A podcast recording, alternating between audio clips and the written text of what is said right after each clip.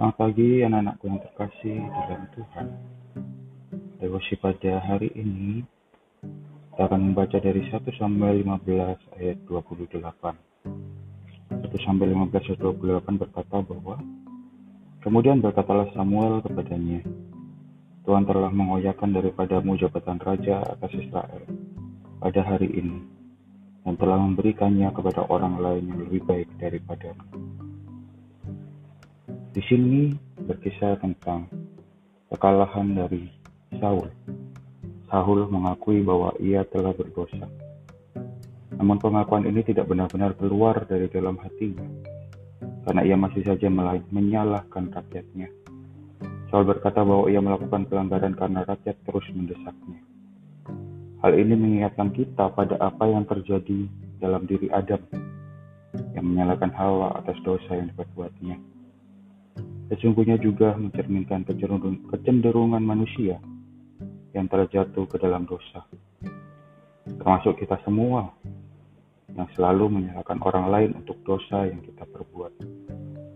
Karena Saul tidak benar-benar bertobat, Samuel tidak bersedia menemani Saul menyembah Tuhan dan mempersembahkan korban sebagai ucapan syukur atas kemenangan yang ia peroleh. Ketika Saul hendak berjalan pulang, Saul menarik puncak jubah Samuel sehingga sobek. Allah memakai kejadian ini untuk mewahyukan kepada Samuel nubuat tentang apa yang terjadi. Samuel berkata, Tuhan telah mengoyakkan daripadamu jabatan raja atas Israel pada hari ini dan telah memberikannya kepada orang lain yang lebih baik daripada Tuhan tidak akan memakai orang yang tidak mengutamakan firman Tuhan dalam hidupnya. Karena itu penolakannya terhadap Saul adalah sesuatu yang dapat tidak dapat digugat. Allah Israel adalah Allah yang tidak berubah. Ia tidak pernah berdusta. Ia tidak akan mengubah kasih setianya kepada umatnya hanya karena perbuatannya beberapa orang-orang yang menolak dia. Allah tetap menegakkan kasih setianya terhadap umatnya. Israel dan Saul yang melawan Allah akan mengalami hukumannya. Saul terus memohon agar Samuel mendampingi dia untuk beribadah kepada Tuhan. Namun motivasi Saul adalah supaya ia tidak dipermalukan di depan orang para tua-tua Israel. Hal ini sekali lagi menunjukkan bahwa Saul memang tidak takut kepada manusia. Lebih takut kepada manusia daripada kepada Allah. Akhirnya Samuel berangkat bersama sama Saul. Tetapi ia melakukannya supaya ia dapat menjatuhkan hukuman atas Agab. Samuel membunuh Agab dan memotong-motong mayatnya.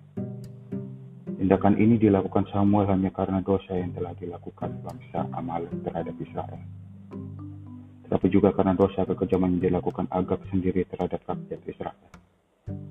Di sisi lain, dengan matinya Agab, Saul tidak dapat lagi menggunakan Agab sebagai alat untuk menyombongkan diri.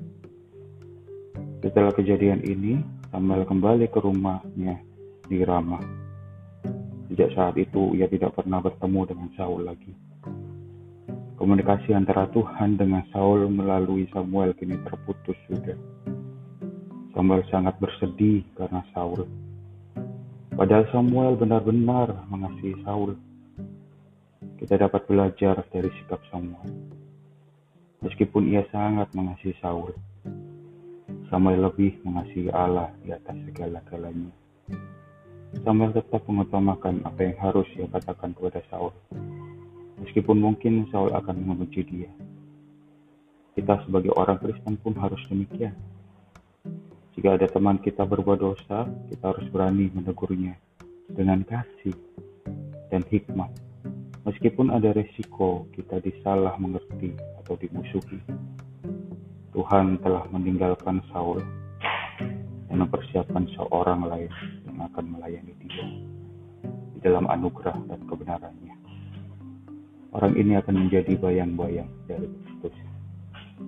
Tuhan memberkati kita semua biarlah Tuhan yang menolong kita untuk menjalani pagi ini. Tuhan Yesus memberkati.